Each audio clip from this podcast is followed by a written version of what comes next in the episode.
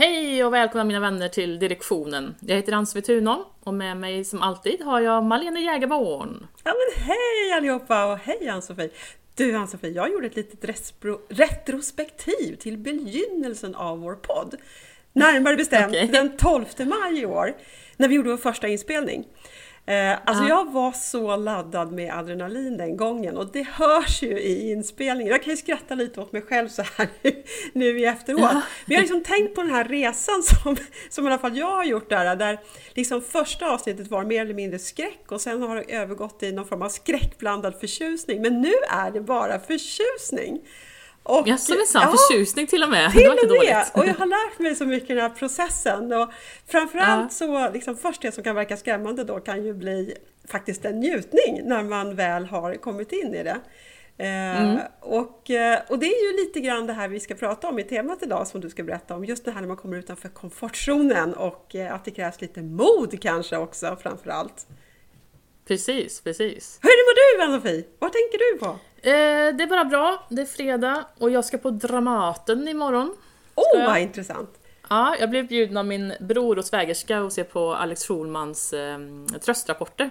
Ja, Den, den har ju varit upp, uppskjuten nu i två år så nu är det äntligen dags för den. Och, tiden. jag, jag vet inte om du vet hur den kom till. Det- Tanken till tröstrapporter uppkom ju från den här eh, sjörapporten du vet som går på Sveriges Ja, Radio Ja, varje dag. Den har jag legat och lyssnat på som barn i båten. Du Jag vet älskade det? den Ja. sjörapporten. Ja, jag, jag med. Jag tycker också jättemycket om den. Det, det var så roligt för att eh, jag vet att Sveriges Radio hade beslutat för sig för att ta bort den här eh, sjörapporten. För den, den går ju två gånger om dagen men ju, alla använder ju appar och eh, andra saker för att inhämta information om väderleken liksom. Men, men det blev ramaskri när man tog bort den för att folk tyckte precis som du och jag att, att det var liksom lugnande att höra på att de där kobbarna och skären och öarna låg på sina ställen och Stora högarna, ja, 10 sekundmeter. Exakt! Om det blåste syd-sydväst 7 eller vad det nu som kan tänkas hända där ute. Så jag gillar också den. Det, det, det är någonting väldigt härligt och omodernt med den där som man verkligen vill bevara. På något sätt. Absolut, jag jag, jag, jag, tror, jag tror till och med att det finns något eh, sånt här meditationsklipp på Youtube där de har klippt ihop massa så här sjörapporter som man kan vaggas in i ett lugn om att eh, det är kvällen, all is good. typ, det är lugnt ute på öarna. Och framförallt när man befinner sig på en båt samtidigt, när liksom vågorna kluckar mot kölen, när man ligger där och lyssnar innan man har gått Ja. upp. Ja, jättemysigt. Härligt. Ja, men idag så ska vi prata om företagande och livet som entreprenör. Det ska bli Jajamän. roligt. Ja, eh, jag gillar ju och älskar ju att driva företag med allt vad det innebär. Jag har väl startat, ett, det, eh, jag vet inte om det är fyra eller om det är fem. Jag blir lite osäker där nu. Men jag tycker det är väldigt kul och intressant eh, och eh, jag inspireras också av eh, andra som har riktigt bra affärsidéer och Även intressant att se de som kan vara riktigt dåliga affärsidéer också. Och, vad som kan vara riktigt dåliga affärsnamn också, alltså företagsnamn. Det borde nästan göra ett avsnitt om, hör du. vi Dåliga affärsnamn. Ja, jag, jag antecknar detta. Ja. Eh, Men i alla fall, det är intressant vilka faktorer som egentligen ligger bakom och som får, som får en idé att flyga tycker jag. Du kan ju ha världens bästa affärsidé men misslyckas totalt med den i alla fall.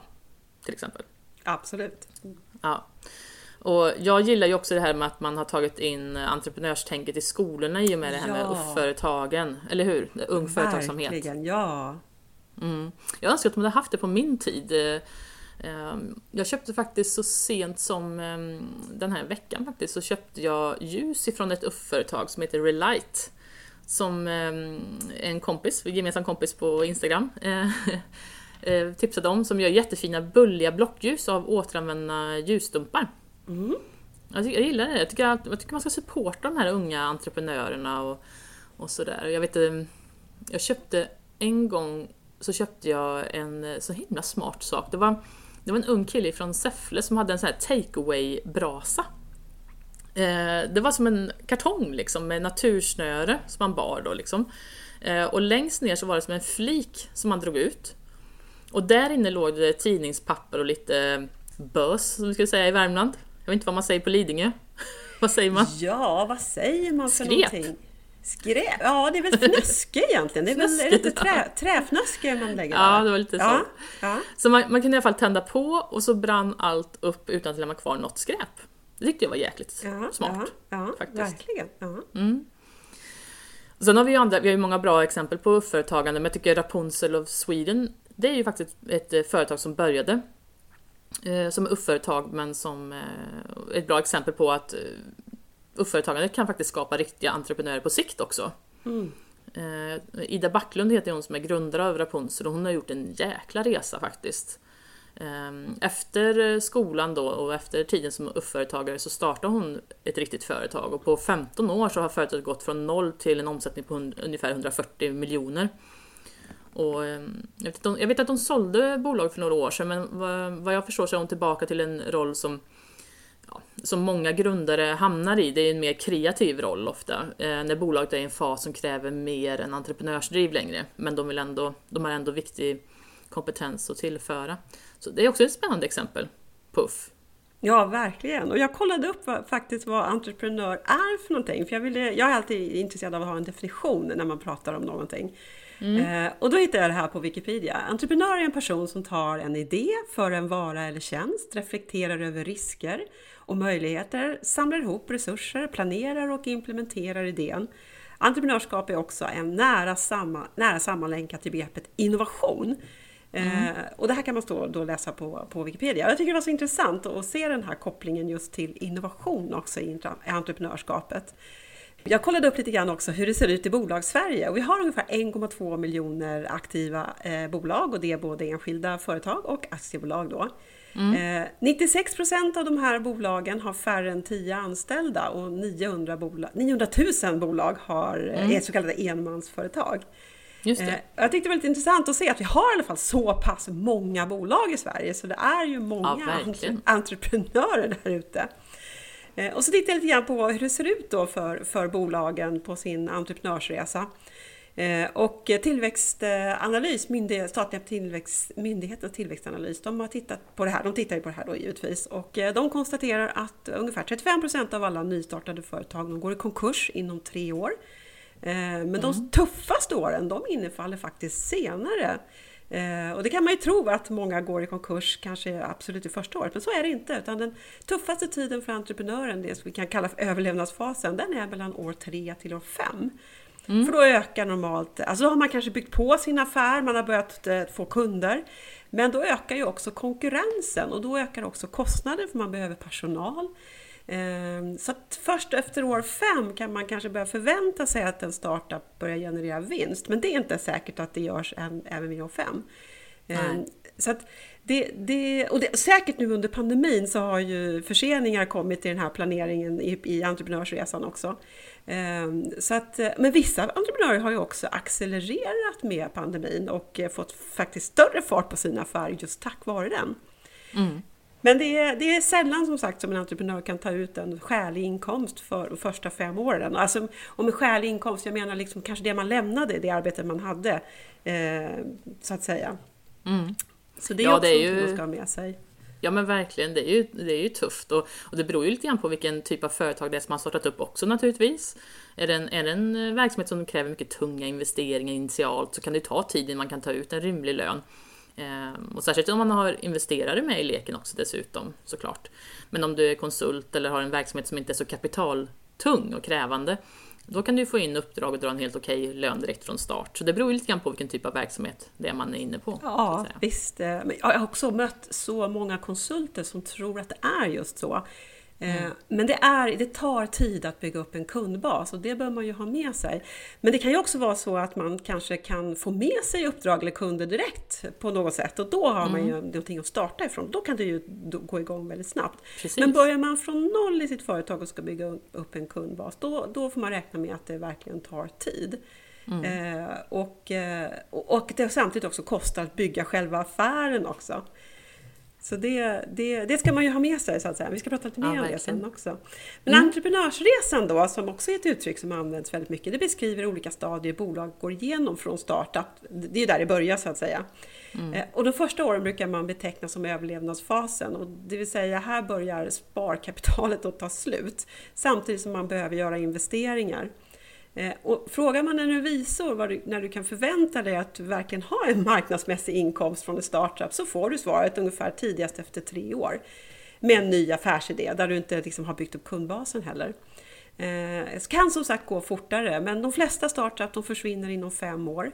Eh, och de som trots allt faktiskt har bärkraft och klarar sig igenom den här överlevnadsfasens stålbad, de g- går vidare, det är det man kallar för tillväxtfasen då. Och här är knappast kassan heller välfylld därför att dels har du ju liksom levt på snålt under överlevnadsfasen och dels måste du här börja satsa, du måste börja göra investeringar för att eh, ta den här tillväxtresan. Eh, Och up- uppskalning, så kallad upscaling, det kostar pengar och här blir likviditeten väldigt ansträngd och ofta kan det vara nödvändigt att ta in oss investerare som du nämnde precis. Eh, Och värt att notera är faktiskt att bolag som är externt finansierade ofta är det som får slut på pengar först. Eh, Och det är kopplat till att eh, de här riskkapitalisterna de förväntar sig ju 3-5 gånger pengarna på ganska kort tid. Och då blir det stora satsningar och då tar kapitalet slut igen så att säga. Precis. Så att det är den här entreprenörsresan, den är, den är inte lätt alltså. Men det Nej, finns ju de det- som lyckas. Ja men precis, och det, det, det är som du säger det att eh, investerare går ju bara in i vissa typer av eh, bolag. Med vissa, det handlar inte bara om att det ska vara en bra affärsidé utan det ska ju vara en snabb tillväxt så att det är värt att ta in en investerare. Många gånger är det ju inte värt att ta in en investerare också, då ska man inte göra det. Eh, och som du säger, det, det är ju tufft, det vet ju alla som har drivit ett bolag att eh, det här från att du går från att vara enmansföretag till att anställa en person är ett jättestort steg. Och eh, två eller tre personer till, det, det krävs ju enormt mycket för att driva in de eh, kostnaderna i motsvarande intäkter då. Så det, absolut, det, det, det är en liten utmaning. Och Ja, det, och, det så är ju alla, all- och så alla Ja, förlåt. formalia som kommer till, till där också, Ann-Sofie, när man Mm. börjar plocka in personal. Myndighetskrav, det, det kräver Ja. ju också resurser. Absolut. Och det, det har ju alltid varit tydligt när man har en bra, riktigt bra affärsidé eller inte, men jag, jag tror att och särskilt nu, en, en eh, helt avgörande faktor är ju faktiskt tajmingen också för när man sätter igång sitt företag. Och pandemin och oroligheter i världen med krig och inflation har ju gjort att alla marknader är väldigt vol- volatila och eh, oförutsägbara kan man väl säga i dessa tider. Så det har ju verkligen varit tydligt om man har tajmat marknaden rätt. Eh, Ja, som vissa har gjort till exempel med eh, hemleveranser och last mile-tjänster till exempel i början på pandemin. De som var igång med det, de hade ju bara världens eh, krattade manege, var bara att liksom, ta platsen egentligen. Så det gäller att tajma rätt också.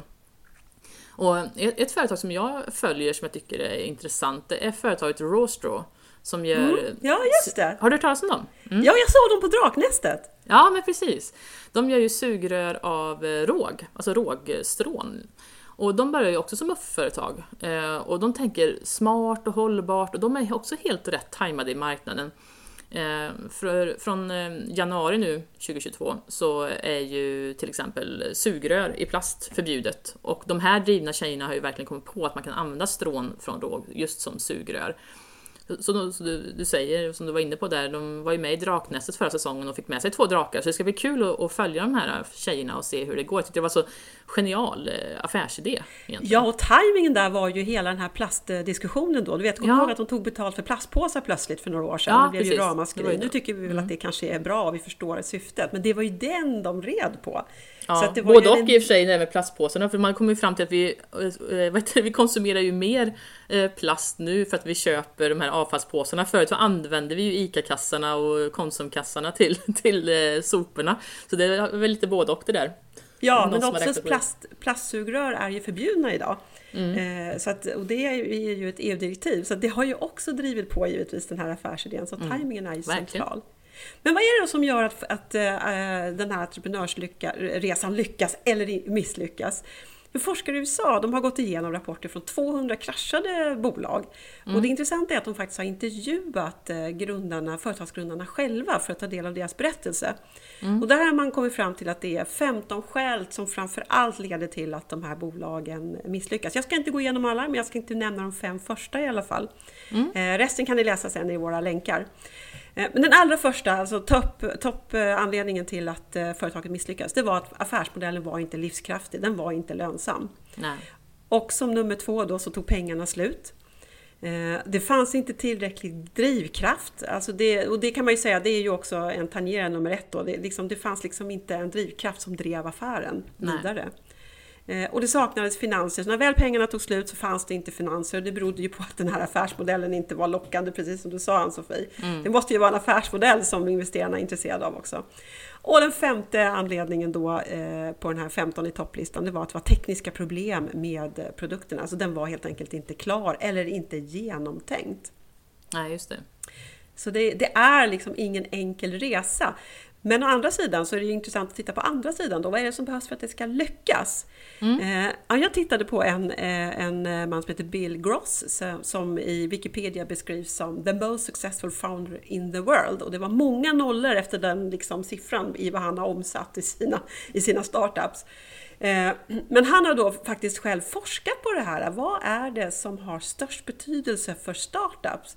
Och han blev själv förvånad över resultatet. Eh, Men det viktigaste först, och den har vi redan varit inne på, det är timing. Alltså timingen för, och det är ju egentligen det enda man inte kan styra. Det är ju det som gör entreprenörsresan så svår. Det går inte Ja. att styra timingen, men eh, den är så central för att idén ska flyga. Mm, Sen är det teamet som är väldigt viktigt. Alltså teamets sammansättning och när jag pratar med eh, investerare så tittar de väldigt mycket på hur teamet är sammansatt och vad som finns för kompetenser. Oh ja. Mm. Och givetvis, affärsidén i sig är ju också väldigt viktig. Och hur själva affärsmodellen ser ut, alltså hur man planerar att nå till kunden samt finansieringen, vad som finns. Det har liksom är de fem viktigaste kriterierna som Bill Gross har kommit fram till. Eh, och han menar då också att om tajmingen och teamet inte finns där så spelar det ingen roll vilken affärsidé, affärsmodell eller finansiering man har. Det kommer inte att lyckas. Eh, så det var lite intressant tycker jag. Mm. Jag känner inte till eh, den här Bill Gross. Eh, Han har, liksom, hans namn har inte riktigt flugit förbi. Var han med och finansierade Airbnb? Jag såg någonting om att han var delaktig i Airbnb. Var han Nej, han var inte med Eller? just där, men jag ska nämna några där han var med. Däremot så använder han just Airbnb i sina TED-talks som exempel. Ja, för han, Eh, jag, för det det här att han är- är finansiär va? Ja, han är ju, han är ju finan- nu har han ju så mycket pengar så nu han går han ju in och finansierar för att liksom vara med på andra entreprenörsresor, men han har Ja, ju gjort precis. egna också. Men han, han nämner just Airbnb för att Alltså innan, och det som var tajmingen där, det var helt perfekt, det var finanskrisen. Ja, För innan Mm, det så ville man helt enkelt inte släppa in främmande människor i sina hem. Men plötsligt så behövde folk pengar när den här finanskrisen slog till och då var det liksom okej att börja låta folk bo i sina egna hem. Så Ja, det drev, den drev hela affären, finanskrisen. Annars hade det Ja, inte det blivit den här succén. Eller hur? Men nu ska vi se, vad har han mer gjort den här Bill Gross som jag har nämnt några gånger nu? Eh, Ja, det finns en hel skock med bolag som han har startat så jag tänkte göra lite namedropping istället då. Bland annat så var han med på 90-talet och startade GoTo.com, eh, internets sökmotor som senare köptes av Yahoo. Och det är ju så med de här entre- entreprenörerna, de startar ju bolag som senare går in i andra bolag. Men nu är han den som själv lägger in pengarna så att säga i bolag. Just.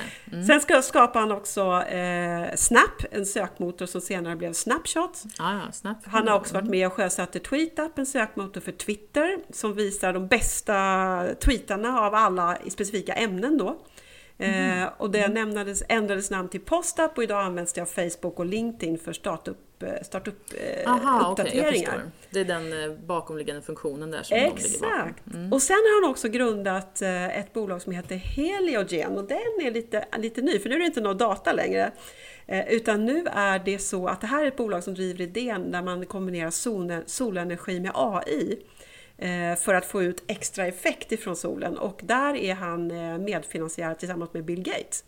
Jaha, okej. Så det var lite namedropping på Bill Gross. Bill och Bill. rekommender- Ja, precis. Company. Bill och Bill. Mm. Jag rekommenderar att titta på hans eh, TED-talks för de är väldigt upplysande. Ja, okej. Mm. Och det kommer länkar givetvis i vår eh, direktionen, podden också på LinkedIn. Mm. Men vi har också intressanta svenska bolag som har ridit på pandemin och du nämnde ett där, Ann-Sofie, man tänker på Last Mile. Om ni kommer, känner till de här rosa cyklarna som åker ut, Fodora då? Som, ja, ja absolut. Jag har, jobbat med, med, eller jag har jobbat med Fodora i samarbeten. Mm. Ja, och jag tittade lite grann på hur deras eh, bokslut såg ut. Alltså när de grundades 2014 så, så var det inte så lysande. Alltså de första åren var inte så lysande i resultaten. Nej. Men med pandemin så tog det ju det här eh, rekordfart givetvis. Eh, med nya beteenden på hur vi köper saker och eh, sista årsbokslutet då 2021 så har man gjort en omsättningsrekord och landar på 4 miljarder nästan och det är en ökning på plus 460 procent jämfört med året innan. Mm. Så Foodora har alltså gått från startup till scale-up till storbolag på, sedan 2014. Inte illa Ann-Sofie! Ja, men jag, det jag gillar med Foodora är att de är enormt snabba på att utveckla nya marknader hela tiden.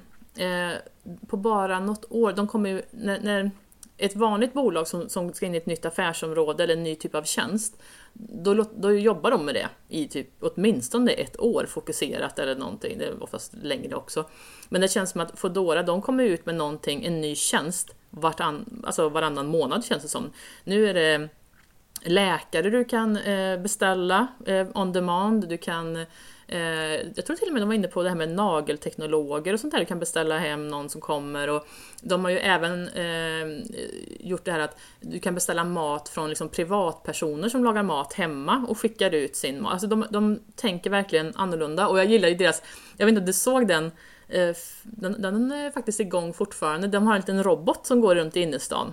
Mm. Som heter Dora, tror jag den mm, heter. Mm, mm, Jättesöt liten ja, rosa ja. robot som åker runt, eh, oftast runt liksom Stureplan och innerstan, där har jag sett den flera gånger. Som levererar då mat eller uh, olika livsmedel och sådär. Men jag tycker Foodora är ett väldigt intressant bolag och uh, jag är imponerad av hur de klarar av rent affärsmässigt att driva så många nya affärsområden hela tiden. Det tycker jag är imponerande.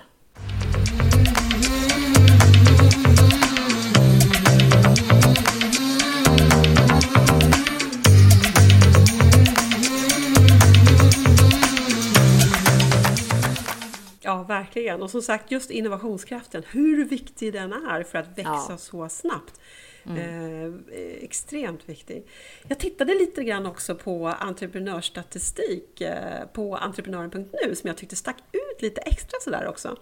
Mm. Eh, och där har man sett att 60-åringar eh, har tre gånger bättre chans att bygga ett framgångsrikt startup än 30-åringar. Det tycker ja, jag var lite häftigt. annorlunda. Vad beror men, det på? Men du, Ann-Sofie, då har vi ju framtiden för oss. ja, så, misslyckas vi nu så har vi ändå ett tag på oss här och bygga ja, upp något stort konglomerat av något slag. Ja, och grundare, ja, grundare av framgångsrika startups, alltså de som redan har gjort en framgångsresa, de har 30% större chans att lyckas med sitt nästa projekt. Ja, men får jag bara återgå till det där med 60-åringarna. Vad var det som gjorde att just 60-åringar var att de hade jag menar, eh, vad kommer sig att de var så... Fanns det någon eh, motivering till det? Jag vill bara... Eh, ja, om jag minns rätt så var det framförallt erfarenhet eh, och, eh, som gjorde det. Eh, man har alltså en större affärserfarenhet att falla tillbaka på. större alltså risk, man har bättre, bättre på att analysera risker. Större förståelse för affärsmekanismer och marknadens förutsättningar. Jag tänker också att det måste vara, om man ska generalisera, så måste det vara annan typ av bolag. Man startar vid 60 års ålder än vad man gör kanske vid 25 års ålder, 30 års ålder. Det gissar jag bara. Ah, det, skulle jag väl inte dra något... Alltså tittar man på de här stora techbolagen, de grundarna när de grundade dem, de var rätt till åren komna flera av dem alltså. Det var, inte, det var inte alla som var Bill Gates som satt i garaget som, vad var han, 18-20 år eller någonting, utan det, det, finns några som, har, som var väl till åren komna också. Ah, okay, ja, ja, Så det är lite spännande. Spännande.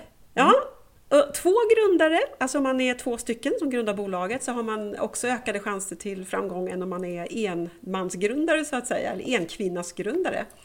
Och det, därför det leder nämligen till 30% mer investeringar och tre gånger snabbare kundtillväxt samtidigt som sannolikheten för att företag ska växa, eh, att det ska växa för snabbt minskar. Mm. Och det kan man ju tänka sig att två grundare har en väldig draghjälp av varandra. Alltså en kanske är teknik ja. och den andra är marknad. Så det är klart att det blir ett starkare team. Och då kommer vi också in på det där viktiga som Bill Gross hade kommit fram till, teamets betydelse. Mm. Och eh, den mindre kanske roliga siffran då det är att drygt 90% av alla startups eh, misslyckas.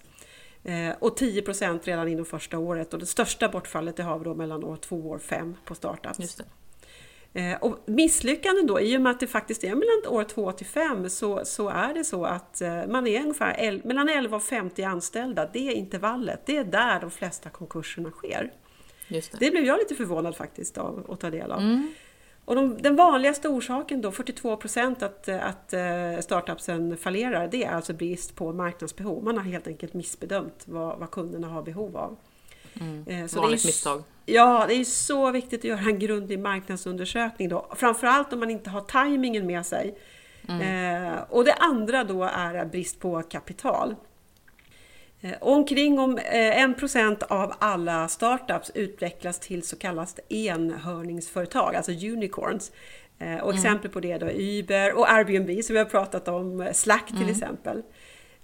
Det är alltså Unicorn, det är bolag som är värderade till över en miljard dollar, så då pratar vi verkligen ja, stora bolag. Men det är intressant ändå ja. att titta på de här siffrorna för att som sagt, vissa förvånar.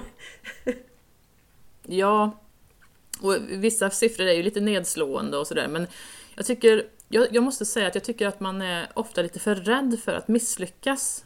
Uh, I alla fall här i Sverige så tycker jag att det, det känns som att det är lite fult och skämmigt om man går i konkurs och vad ska folk tycka? Kommer jag få jobb efter det här? Och, och, och sådär jag vet inte, jag tycker att vi har någon slags ehm, um, jantelags-pretto-syndrom i Sverige som gör att många inte vågar satsa på sin idé. Och det tycker jag är faktiskt väldigt synd, för jag tycker att det är lite för stigmatiserat. Ingen vill ju naturligtvis gå i konkurs såklart, men i andra länder så ser man annorlunda på en entreprenörs erfarenheter och jag känner personligen ingen entreprenör som har gått igenom en konkurs och inte blivit rejält framgångsrik några år senare.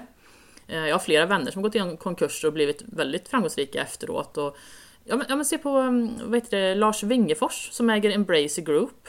Han har gått i konkurs en gång, men han är ju enormt framgångsrik med sin stora koncern och sitt stora imperium ska jag säga att det är. Så känner ni inte till Embracer så kolla upp det, för det är ett väldigt intressant Ja, precis bolag. som du nämner, att just att göra misslyckanden och lära sig av det, det är ju en del av entreprenörsresan. Ja, men som sagt, jag känner inte till Embracer så kolla upp det. Det är ett mycket intressant bolag som, eh, som jag kan tacka och bocka för 600% värdeökning på de aktierna som jag investerade i tidigt, strax efter deras IPO. Så det jag vill säga är ändå att vara företagare handlar om att våga. Det är lite no guts, no glory på något sätt. Um, och jag har faktiskt själv varit med om en konkurs på ett bolag som jag var anställd på. Jag körde den här varianten att jag gifte mig med chefen. Mm. Så gjorde jag. Så gjorde du. Det är också en karriärsresa. Jajamän, så kan man också göra. Eh, nej men, och så här i efterhand då, så jag borde ju ha anat oråd, för vi hade så mycket tid att sitta och prata och intressanta diskussioner, han och jag i fikarummet, så jag borde ha anat eh, oro där. Men man kan verkligen inte säga att jag tog honom för pengarna å andra sidan, för det, det företag som han hade och som jag var anställd på, det gick ju då till slut i konkurs. Och, men, men det var otroligt lärorikt, eh, mm. för de var helt rätt ute med sitt erbjudande, men de var för tidiga. Eh, och det var väldigt mycket i deras konkurs som jag lärde mig mycket av som företagare och om hur saker egentligen fungerar i verkligheten. Faktiskt. Um, jag lärde mig till exempel att allt går att lösa bara man pratar med folk mm. och tar tag i saker mm. och inte stoppar i huvudet i sanden, vilket är, det är ofta det man vill göra för det är ju enormt jobbigt och påfrestande att gå igenom en konkurs. Ehm, men ehm, ja, så jag, jag insåg i alla fall snabbt när jag gick igenom det här tillsammans med honom då att, att jag, jag vill också driva företag men jag vill nog göra det ensam och inte tillsammans med någon annan. För det hade han eh, gjort då.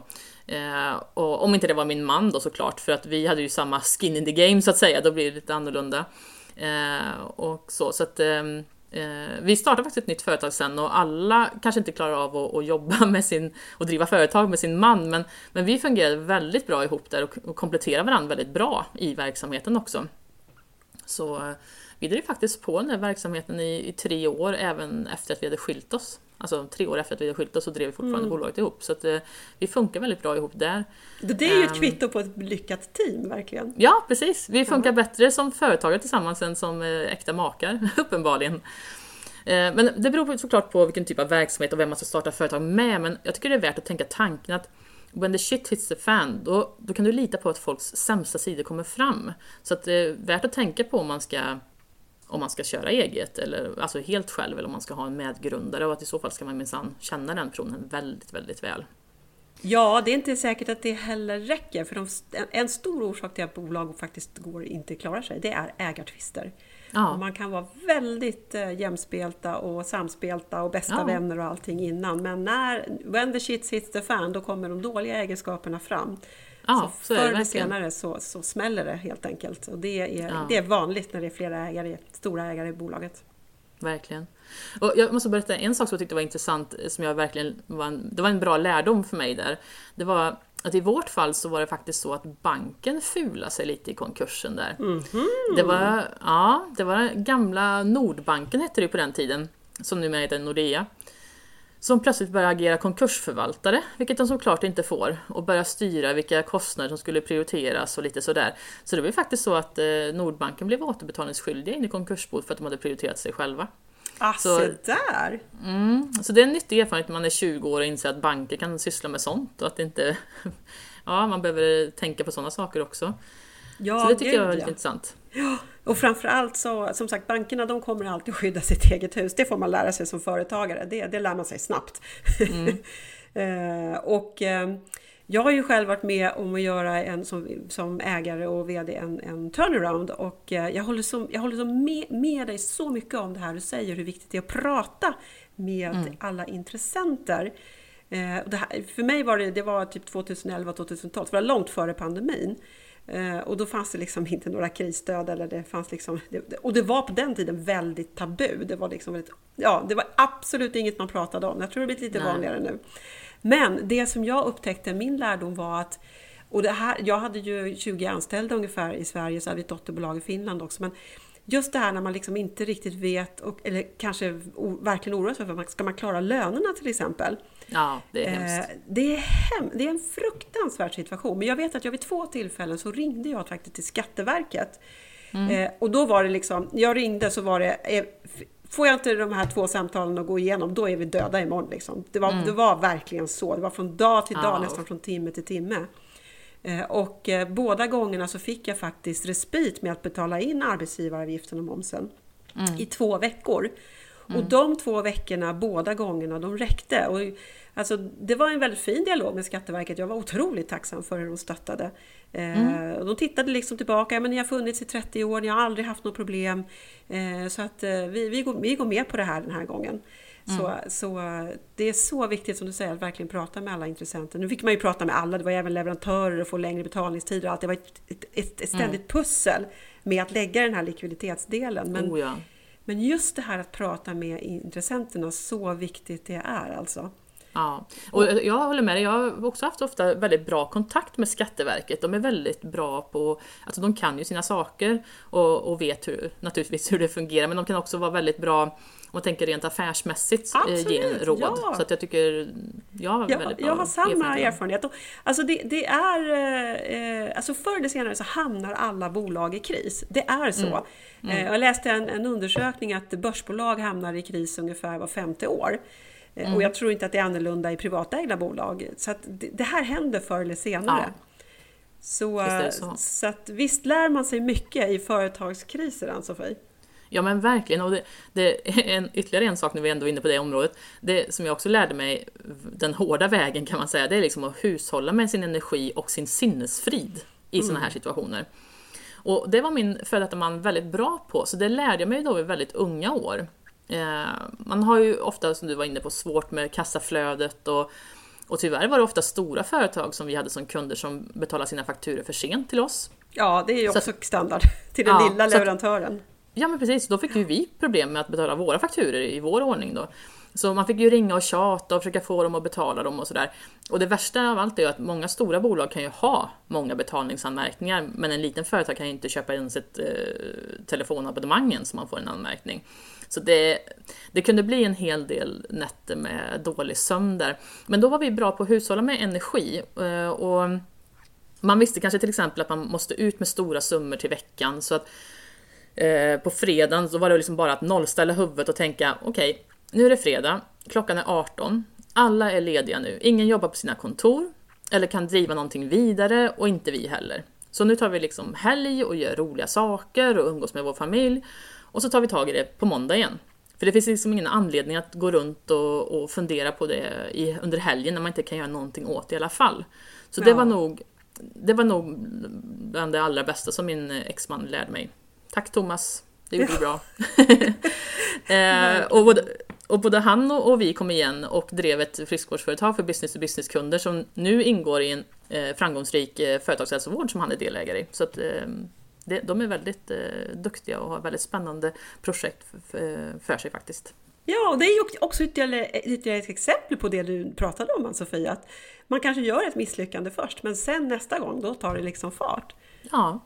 Verkligen. Och det finns en så stor nytta i att byta erfarenheter också företagare emellan och entreprenörer emellan. Eh, för det är ofta så likartade problemställningar. Alltså även om man jobbar i helt skilda branscher så är problemställningarna väldigt lika. Mm. Och jag håller ett litet entreprenörsnätverk. Vi träffas eh, digitalt varje fredag. Det är som en entreprenörsav kan man säga. Ja. Eh, och det roliga var liksom, i början så var de liksom lite tveksamma. Mm, är det någon nytta med det här? För att alltså, som entreprenör, som företagare, när man ska är i överlevnadsfasen, vilka vissa är och vissa kanske är i scale-up-fasen, då, ja. alltså, då springer man på allt. Man har liksom ja. inte tid. Och man orkar inte med alla nätverk, man prioriterar bara de viktigaste. Nej, man är i sin bubbla helt enkelt. Men jag lovar er nu att, att alltså, det som har hänt är att man, de springer till det här mötet. För att plötsligt upptäcker man att man pratar med folk som har gått igenom likartade saker, man är i samma ställe. Man mm. kan ha kontakter som är värdefulla för varandra. Eh, för att man lever liksom i sin egen bubbla, man tror man är ensam om just de här problemen man har. Ja. Eh, så det har varit otroligt eh, intressant att, ta del av. Ibland så, vi har ju pratat nu, vi har haft det här entreprenörslyftet sedan i somras och Alltså i, i vissa skeden så, så har det varit väldigt eh, jobbiga eh, saker som har hänt, som har förekommit. Mm. Men vi har liksom gemensamt kunnat lyfta och så hjälper man varandra och, och, och så har man då en god känsla inför hel, helgen efter en timme. Ja, eh, det. Så det har varit otroligt intressant. Mm. Och jag tänkte också på en intervju som jag gjorde med Per Svärdson som är grundare till Apotea. Där ställde jag honom frågan, vilka förmågor och egenskaper hos entreprenören skulle du säga är viktigast för att driva upp ett bolag till miljardaffär? Mm. Och då svarar Per, självförtroende, att tro på sin egen förmåga är ja. viktigt. Men samtidigt är det viktigt att inte bli för självsäker och ta allt för höga risker. Så, så, att liksom mod samtidigt med en stark vision är liksom helt klart nödvändiga framgångsfaktorer för den här entreprenören. Eh, och klart att riskerna är höga, visst är de ja. det, men det gäller ju hela tiden att balansera då risk och möjlighet. Eh, så att, eh, ja, och för, för Per Svärdson så blev ju pandemin verkligen en timing med tanke på hur e-handeln växte. Så han red ju verkligen på den vågen. Ja men verkligen. Och jag håller med dig, man ska inte låta sig nedslås av de här tråkiga siffrorna kring startups. Eh, om ni sitter med en bra affärsidé där ute, så våga satsa och, och framförallt omge er med människor som har erfarenhet ja. av företagande. Som vet hur det funkar på riktigt. För det finns många förståsigpåare där ute och, och, och, och tänk också på att bara för att en person verkar framgångsrik eller har en hög position eller en redig lön så betyder inte det att den här personen kommer med bra råd eller förstår din idé heller. Man ska inte lockas och, och prata liksom med, med, vem som helst, eh, folk runt omkring sig om sina, eh, sin idé, bara för att de är nära till hands. För det är lätt gjort att man gör det. Alla människor i ens närhet är inte företagarmaterial eller är riskbenägna, så de, de kanske inte man ska prata med om de här sakerna egentligen. Eh, prata istället med människor som har erfarenhet, som kan branschen, eh, kan tillverkning, logistik, försäljning, marknadsföring eller vad det nu kan vara som du vill veta mer om för att testa din idé. Men en annan ja. sak som jag, som ja. jag också tycker är värt att tänka på det är att om din idé är unik och revolutionerande Ja men då kanske du är den första som förstår det geniala med din idé och då gäller det att tro på sig själv. Precis som Per sa och istället lägga mer krut på att få insikter och erfarenhet från andra som har erfarenhet av de här olika delarna i verksamheten som skapar förutsättningarna snarare än själva affärsidén i sig. För du kanske har nya Spotify, TikTok eller Klarna på gång. Och då är du ju, då är du ju först liksom, först ut. Ja, visst, eh, och, och, så är det. Och någonting jag tänkte på här, alltså det är så lätt också att, att liksom luras av de här flashiga tidningsrubrikerna om höga tillväxttakter och så vidare. Ja. Men Alltså en hög tillväxt, det är ju inte alls nödvändigtvis samma sak som god lönsamhet. Ofta är det faktiskt precis tvärtom. Hög mm. tillväxt, det kan vara ganska stora förluster bakom de här pengarna. Eh, och, och, du nämnde ju Klarna då som ett exempel. Jag tittade lite grann på deras siffror också. Alltså de blöder ju, de senaste tre åren så blöder mm. de big time. Eh, och det är ju, men som sagt, det är ju storbolagens värld det här. Men, men någonting som, alltså ett råd som jag, som jag gärna delar med mig av när jag får frågor då, och det får jag ju ibland när man ska starta bolag och så. Alltså klipp inte navelsträngen förrän du har först byggt kapital. Eh, och att om man inte har en, en kundbas med sig från start, för det är någonting annat, men om du ska starta helt nytt, så se gärna till att du har ett kapital som du kan leva på i två, tre år. Eh, och dessutom så behöver du kapital för att bygga verksamheten. Och det här är ju för att liksom inte drabbas av obehagliga överraskningar. För det är ju, alltså det, det är ju så lätt att istället skala upp i efterhand, eller hur? Om man till ja. behöver, kan, kan dra ner på sina kostnader, sina fasta kostnader och utgifter och så vidare för att satsa på bolaget. Men sen kan man ju skala upp när det börjar gå bra. Mm. Men har man inte det där kapitalet så är det liksom nästintill omöjligt att bygga varumärke och, och nå ut med en ny affärsidé utan kapitalet i grunden. Mm. Ja, och det är ju som sagt lite olika beroende på. Sen är det viktigt att tänka på också att eh, det här med att eh, man kanske har eh, blivande kunder med sig från början. Det är viktigt att tänka på att man inte får ta kunder ifrån befintliga verksamheter. Så är det, och det är därför jag sagt det som det lite, så här, lite sidan om. Men, men ja. så, i, i praktiken så görs, görs det här. Men absolut, det är, får man ju Man får inte ta varandras kundregister så att säga. inte göra. Det är olagligt. Ja, Precis. dock sker det. Ja, exakt. Eh, men eh, du gillar ju också att kolla på Draknästet förstår jag då? Ja, stämmer! Det är en ny absolut. säsong nu Har du kollat på det? Någonting?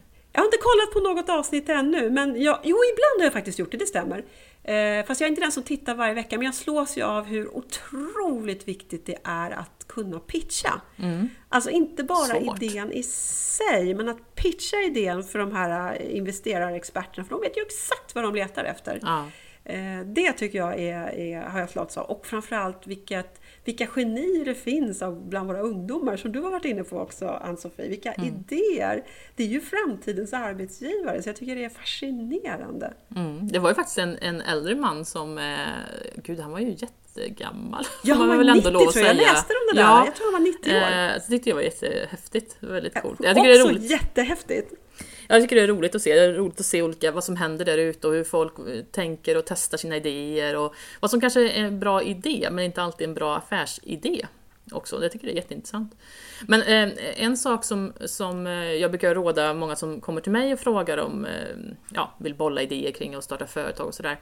Det är att om man har en bra idé så vill man ju gärna prata vitt och brett om den i olika sammanhang, på middagar och med vänner och bekanta och sådär. Dels för att man så gärna vill dela med sig av att man har någonting kul på gång och dels för att man kanske vill testa responsen också hos andra.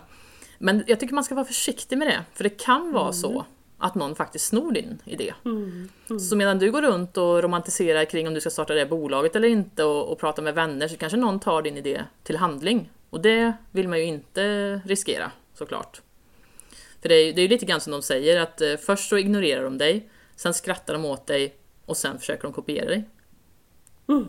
Mm. Så det kan gå Ligger snabbt. Mycket det. Mm. Ja. Och också det, alltså ingen tackar ju entreprenörerna som bygger Sverige med arbetstillfällen och innovationskraft.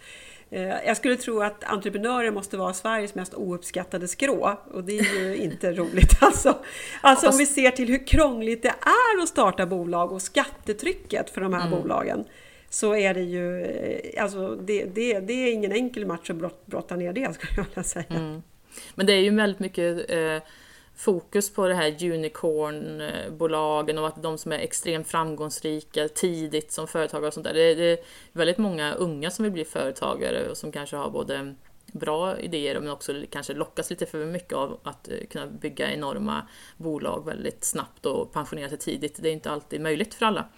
Men jag tycker också att man lägger lite för stor vikt eh, ibland vid att formulera en Eh, perfekt affärsplan och lite annat sån här formalia eh, som vi var inne på där. Att det är lätt att starta bolag idag eh, och det viktigaste är, tycker jag, att man lägger fokus på själva produkten eller tjänsten eller ja, marknaden och kundbehov och vinstmarginaler och vilka olika scenarion som kan inträffa och så. För ibland när man är ny som företagare så kan man lätt fastna i formen för att det är en okänd mm. mark liksom, man är ute på. Och ingenting som man kanske har lätt för. Och, och, då tenderar man att förstora upp de här eh, affärsplanerna och budgetarna och med mera. Och snarare lägger mer tid på det än att fokusera på själva businessen i sig. Och du var ju inne på att 42% missbedömer marknaden som du sa. Och därför känns det mer viktigt att se över de här svaga och starka länkarna i ens verksamhet och vilka scenarion som eventuellt kan äventyra en god affärsidé. För man, man blir ju lätt bias och, och tänker inte på hur snabbt konkurrenter kan komma ikapp eller hur större bolag med en helt annan tillgång till resurser kan ställa om till ett nytt affärsområde. Det, det kanske man väljer att blunda för när man är driven och tänd på sin idé. Ja, visst är det så. Och någonting som jag tänker på nu också när du, när du pratar, det är ju också som sagt affärsplanen. Och eh, den är ju inte i alla sammanhang eh, uttalad ens eller ens nedskriven. Men det som händer är ju när kapitalet tar slut och vi behöver få in kapital, när, mm. när VC-bolagen ska in affärsänglarna. Har du inte en affärsplan så kommer de överhuvudtaget aldrig att gå in med pengar. Och utom, förutom affärsplanen så behöver du också ha formalia på plats, du behöver ha ordning och reda i bokföringen. Det finns ingen eh, kapitalinvesterare som går in om inte det är på plats. Och det vanligaste felet som grundaren gör då med tanke på marknaden också som, som du nämnde Ann-Sofie, det är ju att man som, som sagt, man är helt förälskad i sin egen produkt. Ja. Och man tror att hela världen är lika förälskad i sin egen produkt. Men behovet fanns liksom inte för detta. Och jag hittade några bra exempel på det här. Mm. Kommer du ihåg plastcykeln? Plastcykel? Nej, det kommer jag inte Itera? Nej, den kom. Det var en svensk innovation från 1982. Yes. Okay. Ja, alltså jag är så pass gammal så jag kommer faktiskt ihåg den här. Det var en ram av kompositplast och man lanserade cykeln som en evighetsmaskin, alltså rostar aldrig och är oförstörbar. Okay. Men den var inte oförstörbar. Den 18 kilo tunga cykelns plastram tålde inte belastning och den blev Men, instabil. Synd. Så den gick i graven och föll Alltså den föll verkligen på punkt 5 i den här listan över ja. orsaker med att man misslyckas. Den hade tekniska problem helt enkelt. Sen på 80-talet, så lanser, också på 80-talet så, så lanserades eh, las, eh, eh, Colgate lanserade en rad frysta maträtter och uppmanade kunderna att borsta tänderna med Colgates tandkräm efter middagen på förpackningen. Och man tänker liksom kombinationen frysta maträtter och tandkräm. Mm. Yes, det blev ingen hit det där alltså. Den föll på punkt 3. Vadå, skulle man bli Ja, alltså, om du tittar eller? på förpackningen på dessa produkter, du kan googla dem. Ja. Eh, titta på Colgate Lasagne till exempel, så uppmanar man alltså... okay. eh, man har ju samma Colgate-logga och man uppmanar ja. kunderna att borsta tänderna. Eh, den, den, hade helt enkelt inte tillräcklig dragningskraft, Nej, det Colgate man. Lasagne. det ljuva 80-talet när man trodde att allt gick att sälja. Ja, det tror man fortfarande, många. Ja, ja, ja det, det lustigt det där. Och det, det, lät inte som några bra idéer som kanske flyger direkt, men, men ibland så gör det ju det. Ibland flyger det ju vissa verksamheter snabbt också. Och eh, det är ju också en av de mest eh, utmanande situationerna som många företagare är med om. Det är ju faktiskt också när det blir rejäl skjuts i bolaget och man vill få en väldigt snabb tillväxt. Mm.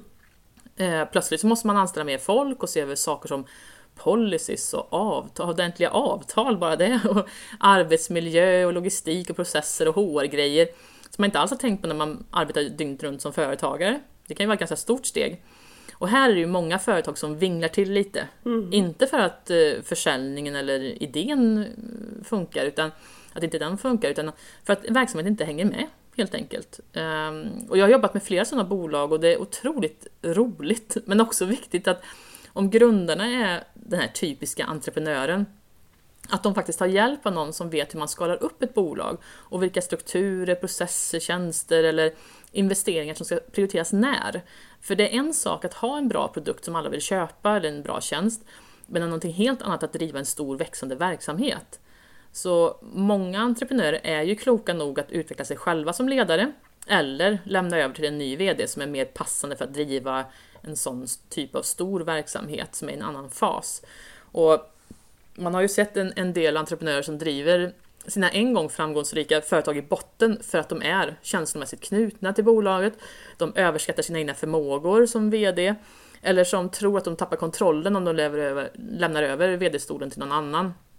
Så det är ju väldigt tråkigt tycker jag. Och jag brukar ibland säga att det, det är lite som det är tillväxtbolagens förbannelse och välsignelse samtidigt, att de tjänar bra pengar i den här fasen. För det är lätt att ta ut svängarna här och bli fartblind och anställa några personer för mycket eller investera i onödiga projekt som man kanske hade tjänat på att skjuta lite på. Så att de, hade, de liksom stegen man tar idag ligger en till last för framtiden sen. Det finns en risk för det ibland och för någon dag så kommer man ju till en platå och då kanske man har byggt sig lite stelbent och tung, vilket gör att någon annan ny uppkomling kan ta fart och, och tajma rätt satsningar för att de är i den ljuva tillväxtfasen. Så i, idag så sker ju all utveckling väldigt snabbt så det är viktigt att veta när man ska tajma de här avgörande stegen och när man faktiskt ska vila på hanen.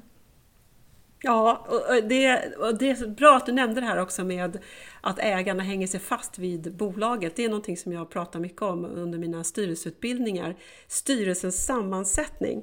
Eh, och framförallt när det är dags att ta in eh, extern VD i bolaget. Därför mm. att det är så lätt att man som ägare känner att man tappar kontrollen. Eh, och då blir bolaget förblir ägardrivet. Men det är ju så att när man går över till ägarstyrt istället då, då får man ju också en betydligt bättre styrning i bolaget och utifrån perspektiv och allting. Så mm. många bolag som skulle kunna utvecklas snabbare och bättre har ju inte gjort det på grund av att man har hängt kvar. Inte alla, men det finns, det finns definitivt fakta som styrker påståendet att ägarstyrda bolag är mer lönsamma än ägardrivna. Och det handlar om liksom ägarkompetens helt enkelt, att förstå när det är dags att ta in externa styrelseledamöter och extern VD. Men något som mm. också är lite intressant, jag tittade på Eh, alltså när, du nämnde också med arbetsmiljö, att alltså myndighetskraven de ökar ju på systematiskt arbetsmiljöarbete ganska markant redan från 10 anställda. Eh, och det här, det här hinner man ju inte heller kanske alltid skala upp för. Det är inte bara skala Nej. upp liksom för marknad och kunder, det är också skala upp strukturen i bolaget. Och då tittar jag på vad Tillväxtverket har definierat, vilken storlek på bolag som har den största flaskhalsen i effekt av just detta. Och det är faktiskt när man är mellan 75 till 150 anställda. Jag blev lite förvånad över den siffran. Eh, mm. Där ser man den största flaskhalsen. När man tittar på orsakerna så blir det faktiskt ganska tydligt varför. Eh, dels så har man svårt att hitta kompetens när man är 75 till 150 anställda. Därför att man är liksom inte det här sexiga startup techbolaget kanske som håller på och liksom växer upp från grunden. Men man är heller inte Ericsson eller något stort bolag. Nej. Så att man är liksom ett mittemellan, lite mellanmjölk sådär. Och dessutom så är just regelverket börjar bli riktigt krångligt i det här intervallet. Eh, och sen har man också väldigt lite tid för strategisk utveckling. Man har inte de här overhead-funktionerna på plats kanske som HR och så vidare som kan driva Nej. de här sakerna. Så att eh, där är riktiga flaskhalsen. Och oftast resulterar det i att bolagen i den här storleken går ihop för att man helt enkelt mm. ska få synergier och, och bli större och då får man ju också kan bära de här overhead-kostnaderna på ett annat sätt. Ja, vad, nu, har vi pratat jättelänge här. Har vi något mer eller var vi klara där? Ja, alltså bara knyta eh, avslutningsvis då så, så har vi kan vi ju se att entreprenörsresan är liksom, det är ingen dans på rosor. Eh, det kostar kapital, det finns liksom ingen quick fix, det finns ingen läs en boklösning. Eh, och eh, för att lyckas med sin uppskalning och tillväxt då, variablerna är väldigt många. Eh, för att det faktiskt inte ska gå så bra. Och ofta så är ju också kanske företagen i personlig borgen för hela bolaget dessutom. Man har satsat liksom i princip hela bostaden på detta också. Gud vad du skrämmer upp folk nu! Ja, men det är liksom, eftersom bara en av tio lyckas så får man liksom ha med det i sin kalkyl också. Ja. Jag kanske måste göra ett misslyckande först för att sen komma igång och bli de här riktiga unicornbolagen eller någonstans emellan. Be an entrepreneur, it sucks! ja, precis! Och jag vill sluta med ett citat som jag snappade upp då, som jag tyckte var väldigt, ja. väldigt talande. My first year as an entrepreneur I slept like a baby. I woke up every hour crying hysterically. det, var faktiskt, det var faktiskt väldigt bra. Ja, jag tyckte det också. Det var lite roligt. Har vi någon hiss eller diss då? Eh, ja, eh, eh, min veckans hiss för mig är att jag fick klart med en intressant intervju som kommer att komma i, podden inom kort. Ja, vad härligt! Jag tror att det, ja, jag är lite hemlighetsfull än så länge, men jag Ja, tror verkligen att det här kommer att intressera våra lyssnare. Ja. Så det ska bli kul. Veckans diss är att jag jag kan inte gå in på DI längre och läsa eh, på Dagens Industri. Det går inte. Det är så fruktansvärd domedagsstämning så man blir bara jag blir helt deppig när jag går in där. Jag tycker i de här tiderna som vi är i nu, då behöver man ta de här dåliga nyheterna i väl avvägda portioner när man känner sig redo för det. För att eh, man ska känna någon typ av framtidstro. Så jag bara känner, veckans diss är nyhetsflödet, kan nog säga. Ja, den eh, intygar jag också. Ja, jag, eh, I second that, därför att jag hade faktiskt ingen diss, men jag håller fullständigt med dig i den dissen. Däremot har jag en Bamse-hiss. Eh, ja, och det är ju, alltså vi har ju redan nämnt entreprenörer som sannolikt de mest upps- ouppskattade skrået om man ser till förutsättningarna eh, ifrån myndigheter. Och, så jag skulle vilja ge ett officiellt tack från direktionen till alla er entrepren- entreprenörer som skapar tillväxt för Sverige. Hurra för Ja, er! det tycker jag vi gör. Ja, Det det, är en superbamsehiss alltså. Hurra för er entreprenörer! Absolut, bra.